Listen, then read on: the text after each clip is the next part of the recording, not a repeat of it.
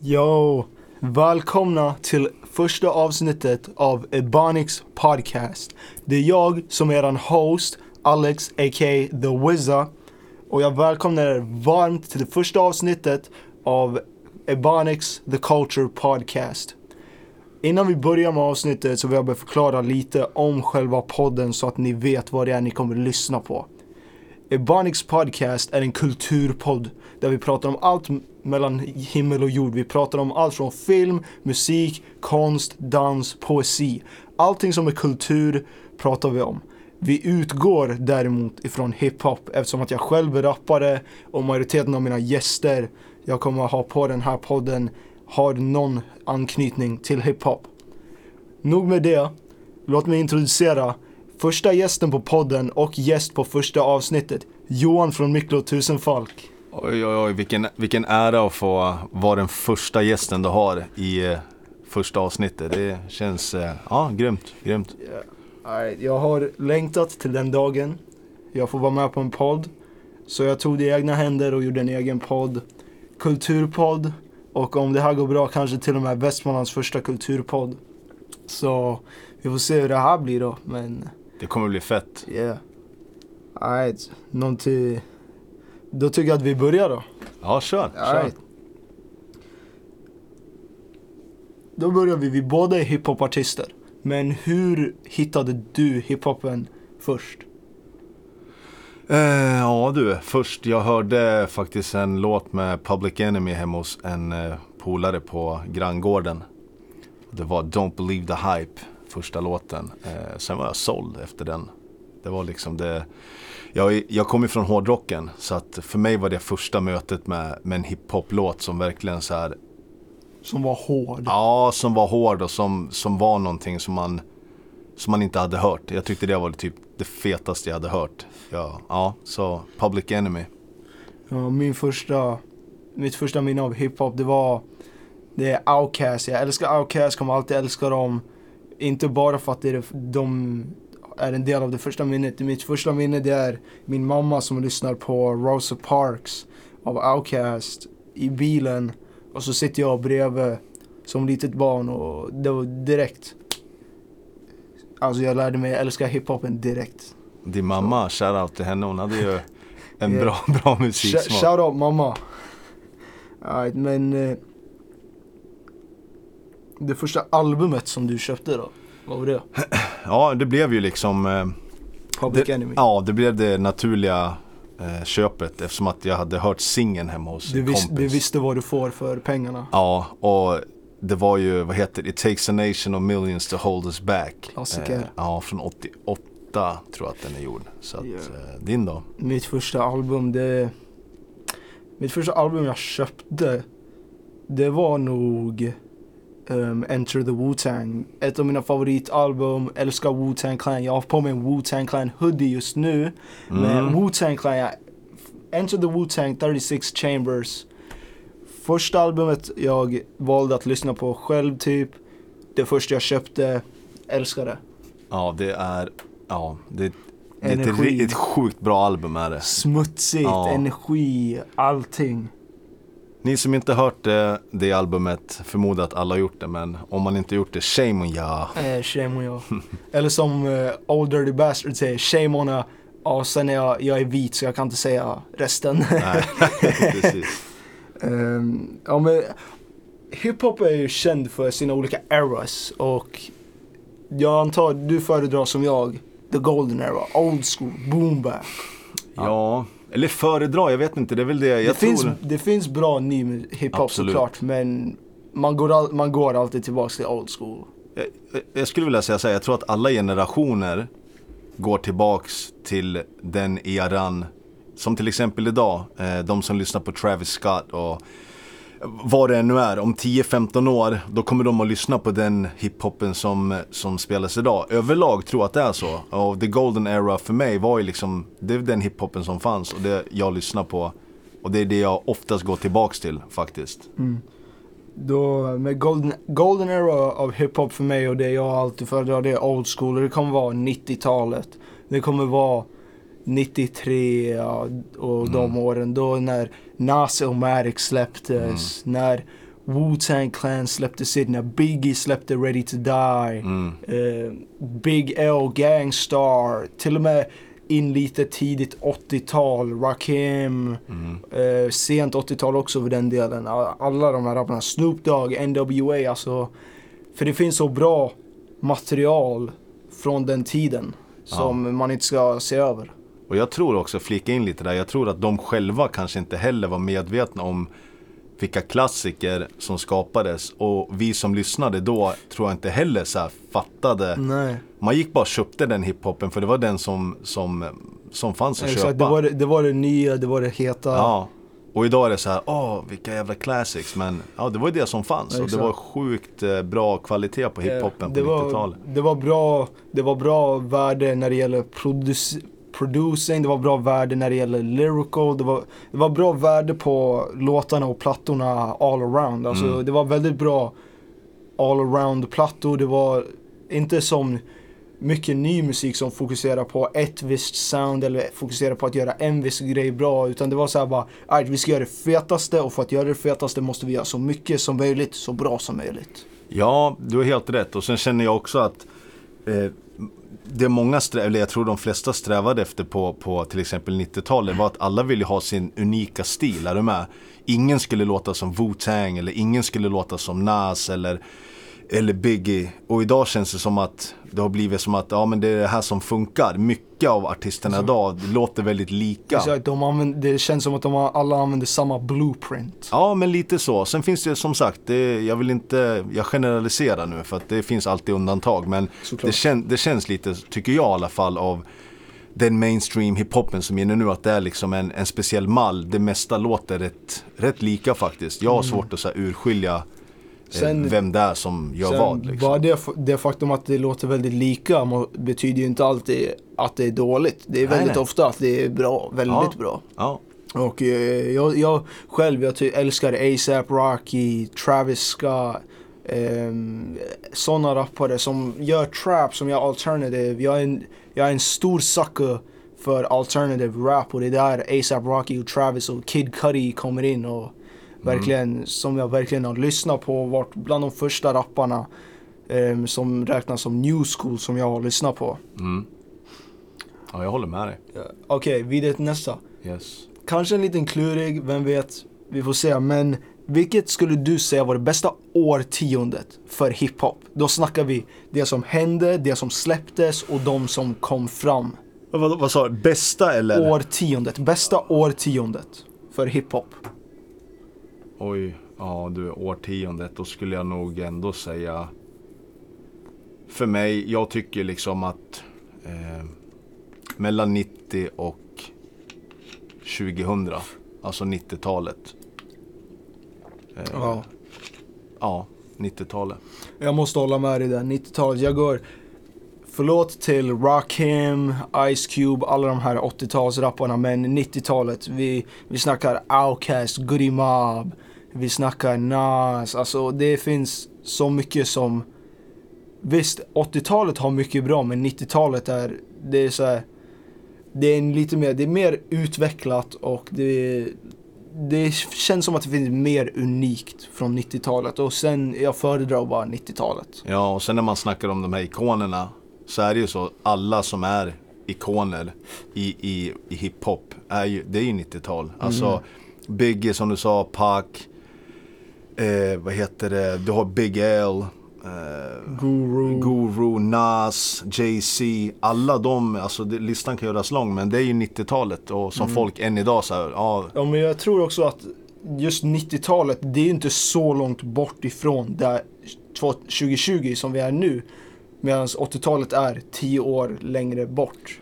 Och då Ja. kan det vara så att eftersom att det är närmare så har de namnen kun, så här, haft sitt värde längre. mm, Så som man snackar om när man snackar om Gangstar, longevity. Gangstar har hållit på i sen 80-talet. De är fortfarande ett av de en av de största duorna någonsin. Rest in peace Guru. mm. Men sen också, vi måste, vi måste ju även eh, eh, credda 80-talsikonerna För mig ändå så här KRS-One, Chuck D, Ja. Big Daddy Kane Rakim. Rakim. Så att, men det känns ändå som att det, det, det är också så 80-tal, men de gled ju in i 90-talet också. Så att, Exakt. Men ja. Ra- Rakim, för mig har varit väldigt stor. Han lärde mig flow. Han fick mig att börja lyssna på John Coltrane. Mm. Och allt det där. Och det 80-talet 80-talet är underskattat. Mm, det är många som faktiskt kanske glömmer bort att det Ja. fanns eh, Det fanns bra MCs Ja. då också. Okej, här är en till fråga. Mm. Om du fick välja en producent och en rappare som du skulle gjort, göra ett collab-album med. Vad är dina picks? Oh, en producent som skulle få prodda mina grejer. Du, Ah, en, du får prodda också, Okej. men så länge du rappar på det också.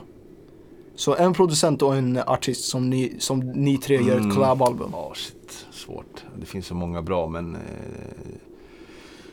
en, en produktion av Jay Dilla. Och sen så tar jag med mig eh, Sen tar jag nog med mig kanske, fan, det låter så tråkigt men alltså Nas när han var i sin prime, Ja. han var Ja, grym. nej, det, det är inte Rakim. tråkigt. Man måste respektera. Han är en GOAT. Han Ja. är greatest of all time nästan. Men jag skulle nog köra på en, eh, någon beat av Jay Dilla och sen eh, Rakim. Ja, Rakim. Jag, jag, jag, jag har en ganska konstig kombo.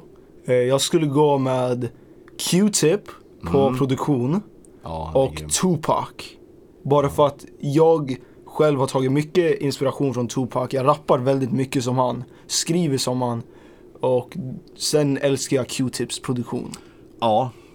Och, det, och han måste också säga så här, ofta när man snackar om producenter, vi snackade om artister förut, men producenter då är det ju alltid de här, så här bara, men det är Jay Dilla, Pete Rock, Premier, bla bla bla. Large Professor. Ja, precis. Men, men eh, Q-Tip är ju en eh, sjukt grym producent Ja, han- också. Han kommer lite så här skymundan. Exakt, faktiskt. men jag tror det också är för att han rappade för A Tribe Called Quest också. Han var en, det var ju han och Five Dog som var de två rapparna Ja. för A Tribe Called Quest. Och sen hade vi Jerobi White, men det var ju egentligen Q-Tip som proddade allting. Mm. Det var ju han och eh, Ali Shahid Mohammed som proddade allt. ja, Till precis, jag exempel tror- Bonita Applebum, det var det Q-Tip som gjorde. Scenario var det Q-Tip Mm. som gjorde. War Tour, Electric Relaxation. Eh, De två första albumen proddade ju Q-Tip helt själv. Jag tror det är precis som du säger, att många kanske förbiser honom bara för att han också är en MC. Exakt. Att, eh, En bra MC också at that. mhm. Uh, men eh, nu, nu har vi snackat mycket hiphop. mm. Uh, för att variera lite, förutom hiphop, Mm. vad lyssnar du mycket på? Jag lyssnar på, jag är rätt bred i min musiksmak. Allätare. eh, Ja, jag är allätare men jag vill gärna ha någonting som är gjort med eh, med lite känsla och med lite eftertanke. Men alltså allt ifrån typ progressiv house, jag älskar drum and bass, eh, jag gillar grunge-eran, eh, Smashing Pumpkins till exempel, ett av mina absoluta favoband. Eh, alltså jag är bred. Eh, så jag, jag skulle vilja säga att jag lyssnar skulle vilja säga att jag lyssnar på det mesta faktiskt i, i, i musik. Men eh, ja, gärna något alternativt och ingenting mainstream, så mycket mainstream eh, musik helt enkelt. Nej. Välkomna, nu är vi tillbaks från våran lilla paus. Vi kände, vi, tar, vi behövde ta en paus och sträcka benen. Vi avslutade på frågan vad, vad du lyssnar på för musik förutom hiphop och du hade precis han, hunnit säga någonting alternativt, inte Ja. mainstream. Mm. Alltså, någon mainstream-låt kan jag inte sticka under stolen med att jag kanske tycker är bra. Men på, på, överlag det jag lyssnar på det är alternativ musik oavsett genre. Ja, Mina personliga favoriter förutom hiphop är jazz, soul och um, doo-wop. Jag lyssnar mycket på The Ink Spots, John Coltrane, en av mina favoritartister någonsin, Duke Ellington. Och John Coltrane och Duke Ellington, deras låt, eller deras version av Duke Ellingtons låt In a Sentimental Mood är min absoluta favoritlåt någonsin. Och, eh, men jag lyssnar också, som jag sa, jag lyssnar på gospel också. Så jag lyssnar på låtar som går tillbaks till 50-talet, alltså gospellåtar och sånt. Och, så jag är också lite av en allätare. Jag älskar rock, um, allting. Just throw it my way. Så länge det är musik och det har känsla och Mm. jag kan viba med det typ. Precis, genren är, genren är inte så, alltså genren är rätt oväsentlig. Så länge, som Mm. du sa, så länge, det, så länge man får känsla för, Exakt. för, för musiken. Mm. Exakt. Alright, då hoppar vi vidare till nästa fråga. Yes. Ehm, jag kollade i söndags på Blood In Blood Out. Ja. Det finns en karaktär i den filmen som heter Mikla. Mm. Ehm, du kan väl ta och berätta lite om hur du valde ditt artistnamn? Ja, du, eh, du passar bollen. Eh, ja, men grejen är så här. Jag, jag såg den filmen när den kom. Jag, jag får mig att jag gick i nian. Ja, nian gick jag i.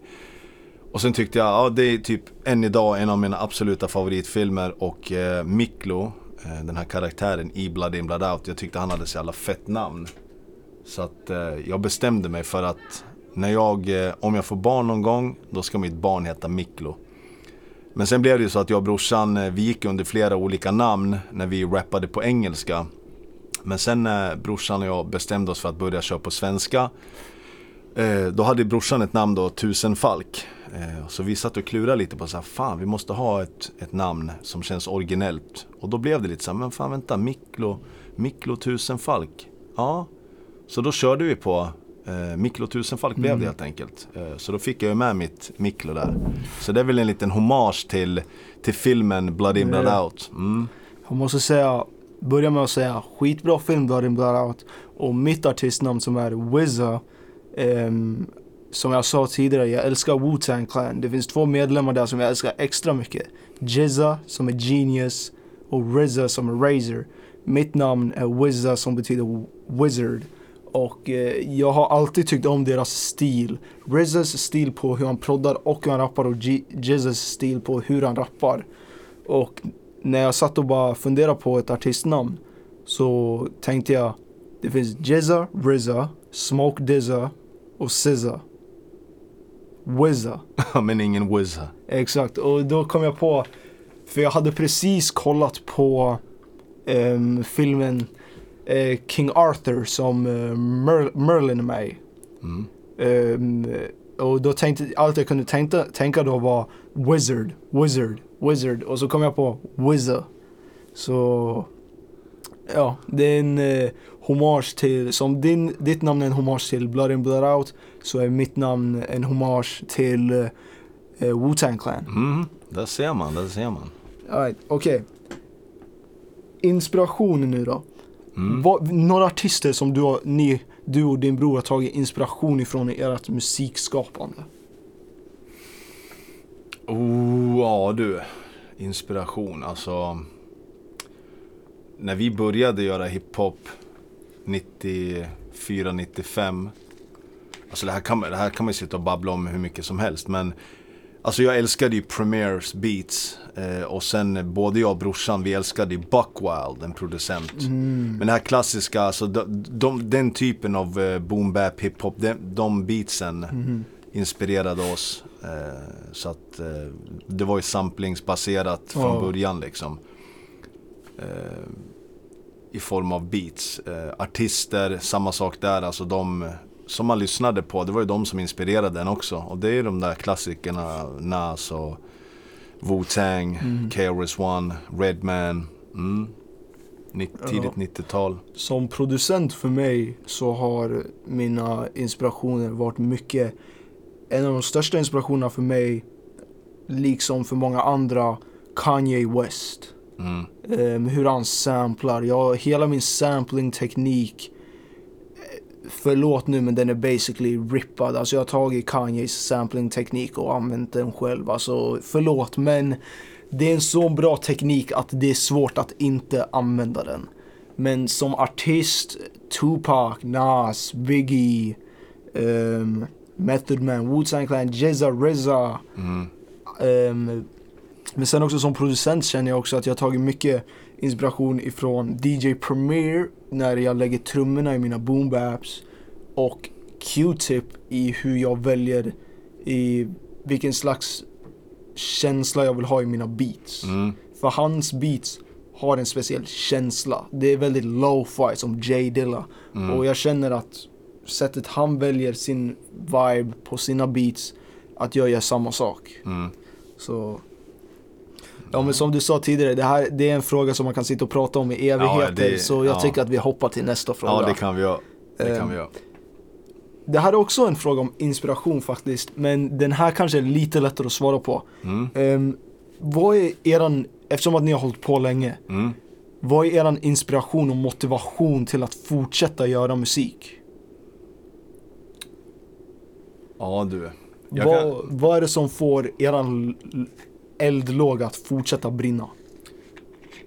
Jag, jag tror att jag, för mig är musiken så här en kanal att få ut energi.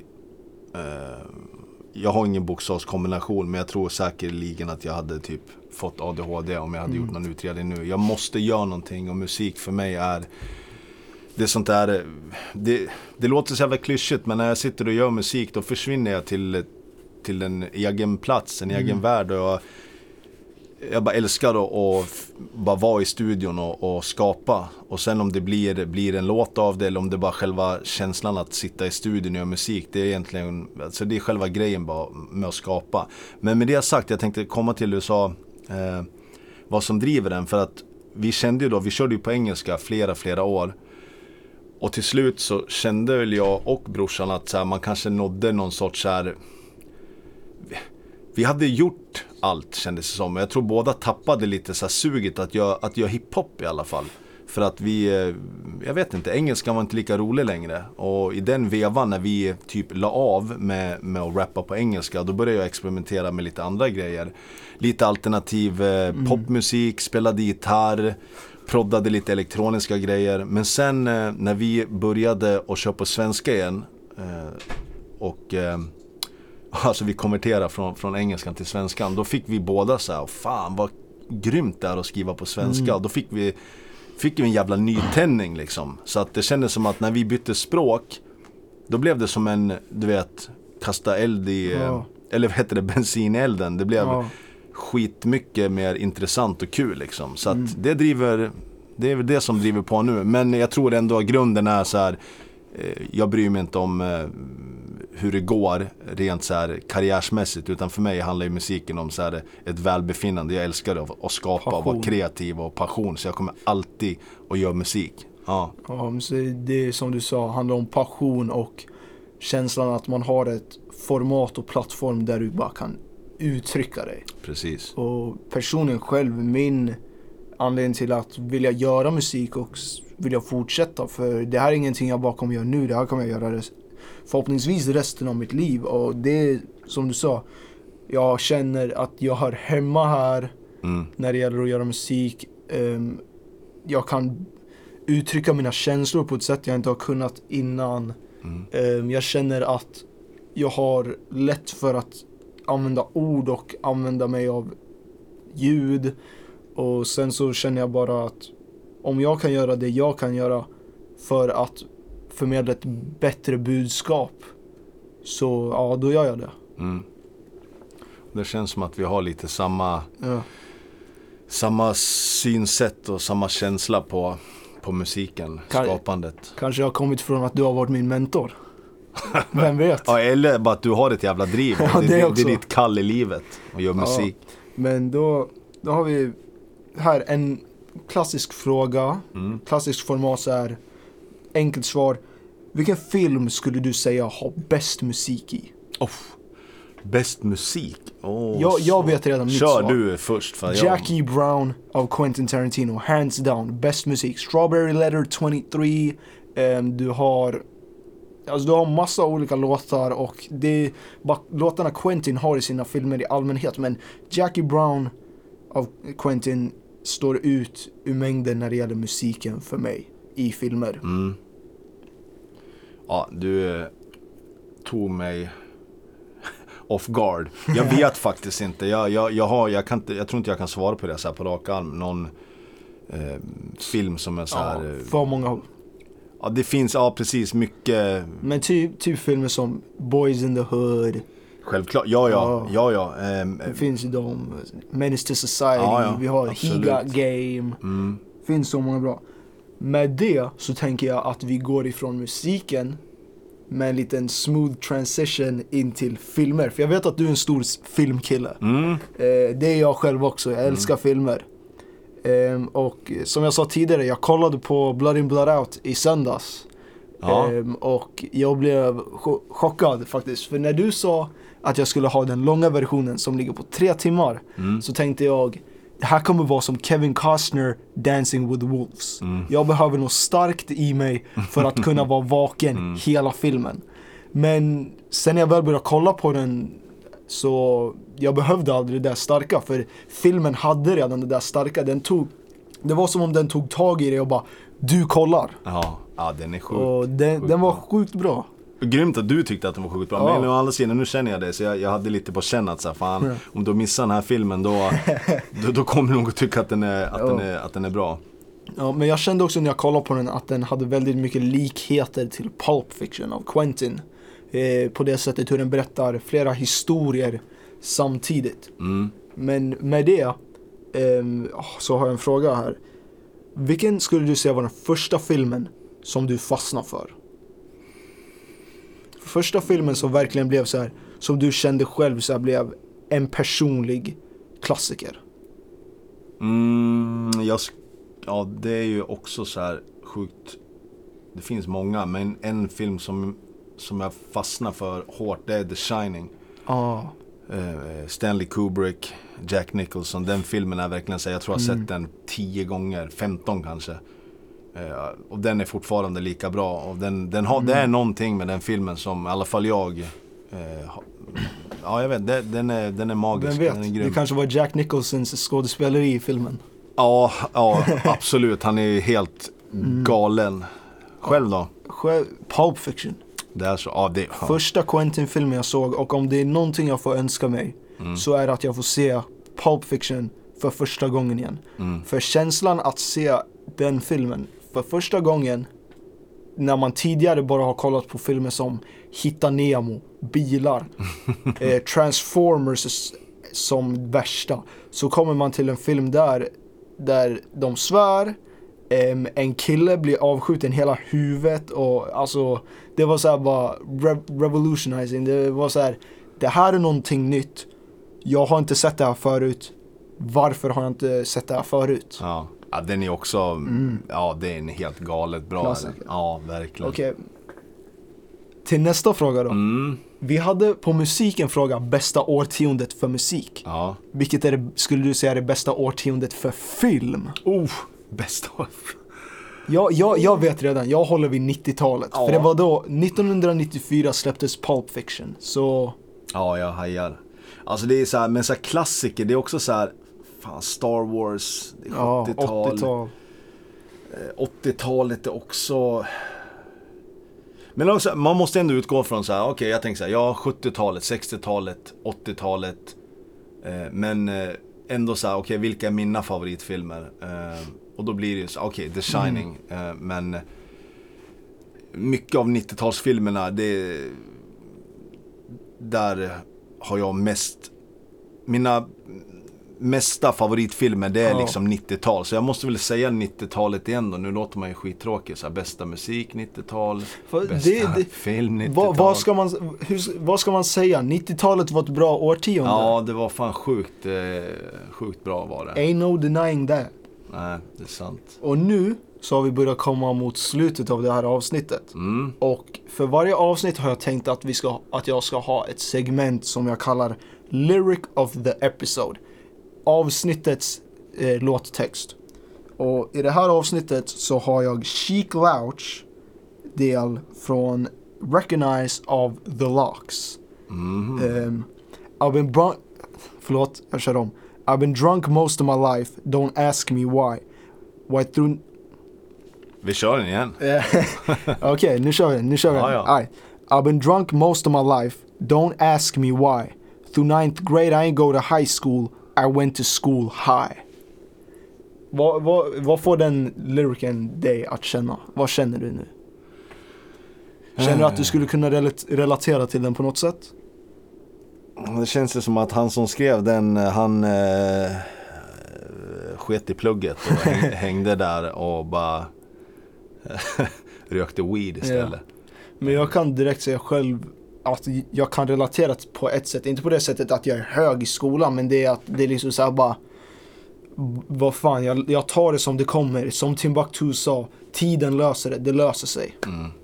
Eh, Men där kan jag, ja precis, relater, relaterbart eh, för mig är ju kanske också precis att eh, i gymnasiet speciellt. Eh, jag sket typ i gymnasiet. Mm. Så att, och det fick jag ju ta igen eh, senare när man fick studera i vuxen ålder. Men Ja. ändå så här, jag brydde mig inte heller speciellt mycket. Och jag gjorde sjukt mycket musik istället. Och man levde i någon sorts här dröm att Ja. Nej men fan vi kör musik istället, det var ju det som lockade. Och, Där kan jag också verkligen relatera. Eh, Men ja.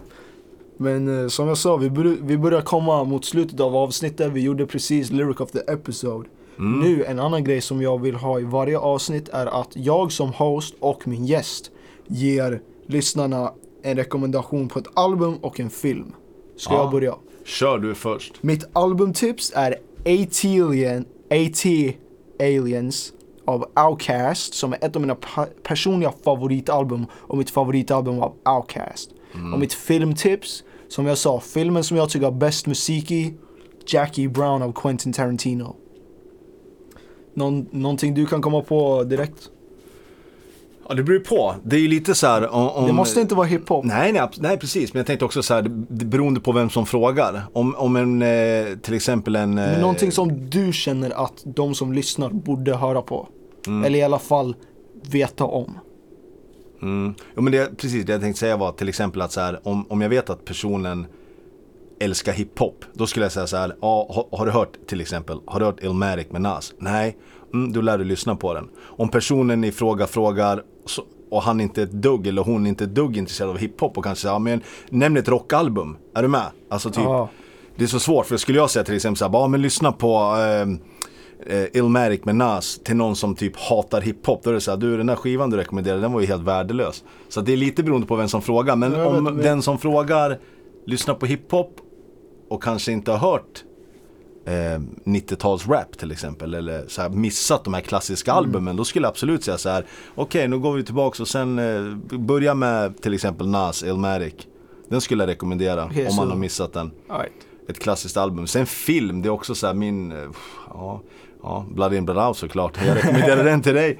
Men eh, jag, jag älskar ju en film som är också en av mina absoluta favoritfilmer. Det är ju Heat med eh, Robert De Niro och Al Pacino. Ah. Och, och det finns en scen i den filmen där skådespelarna, alltså Al Pacino och De Niro har en konversation om vem som Ja, du vet om jag tar dig så skulle jag inte jag tveka en sekund på att skjuta dig och tvärtom. Alltså den, eh, det skådespeleriet och den scenen, den är så jävla magisk för det är så sjukt bra skådespeleri och den känslan i den filmen är så här, ja den är otrolig och jag älskar den scenen. Det är nog min Ja. favoritscen ever i alla filmer oavsett kategori. Den är helt fantastisk. Återigen, som jag sa med Jack Nicholson. Mm. Robert De Niro och Al Pacino är två riktigt bra skådespelare. Ja, ja sjukt bra. Otroligt bra. Jag tror de flesta kan eh, hålla med om det också. Ja.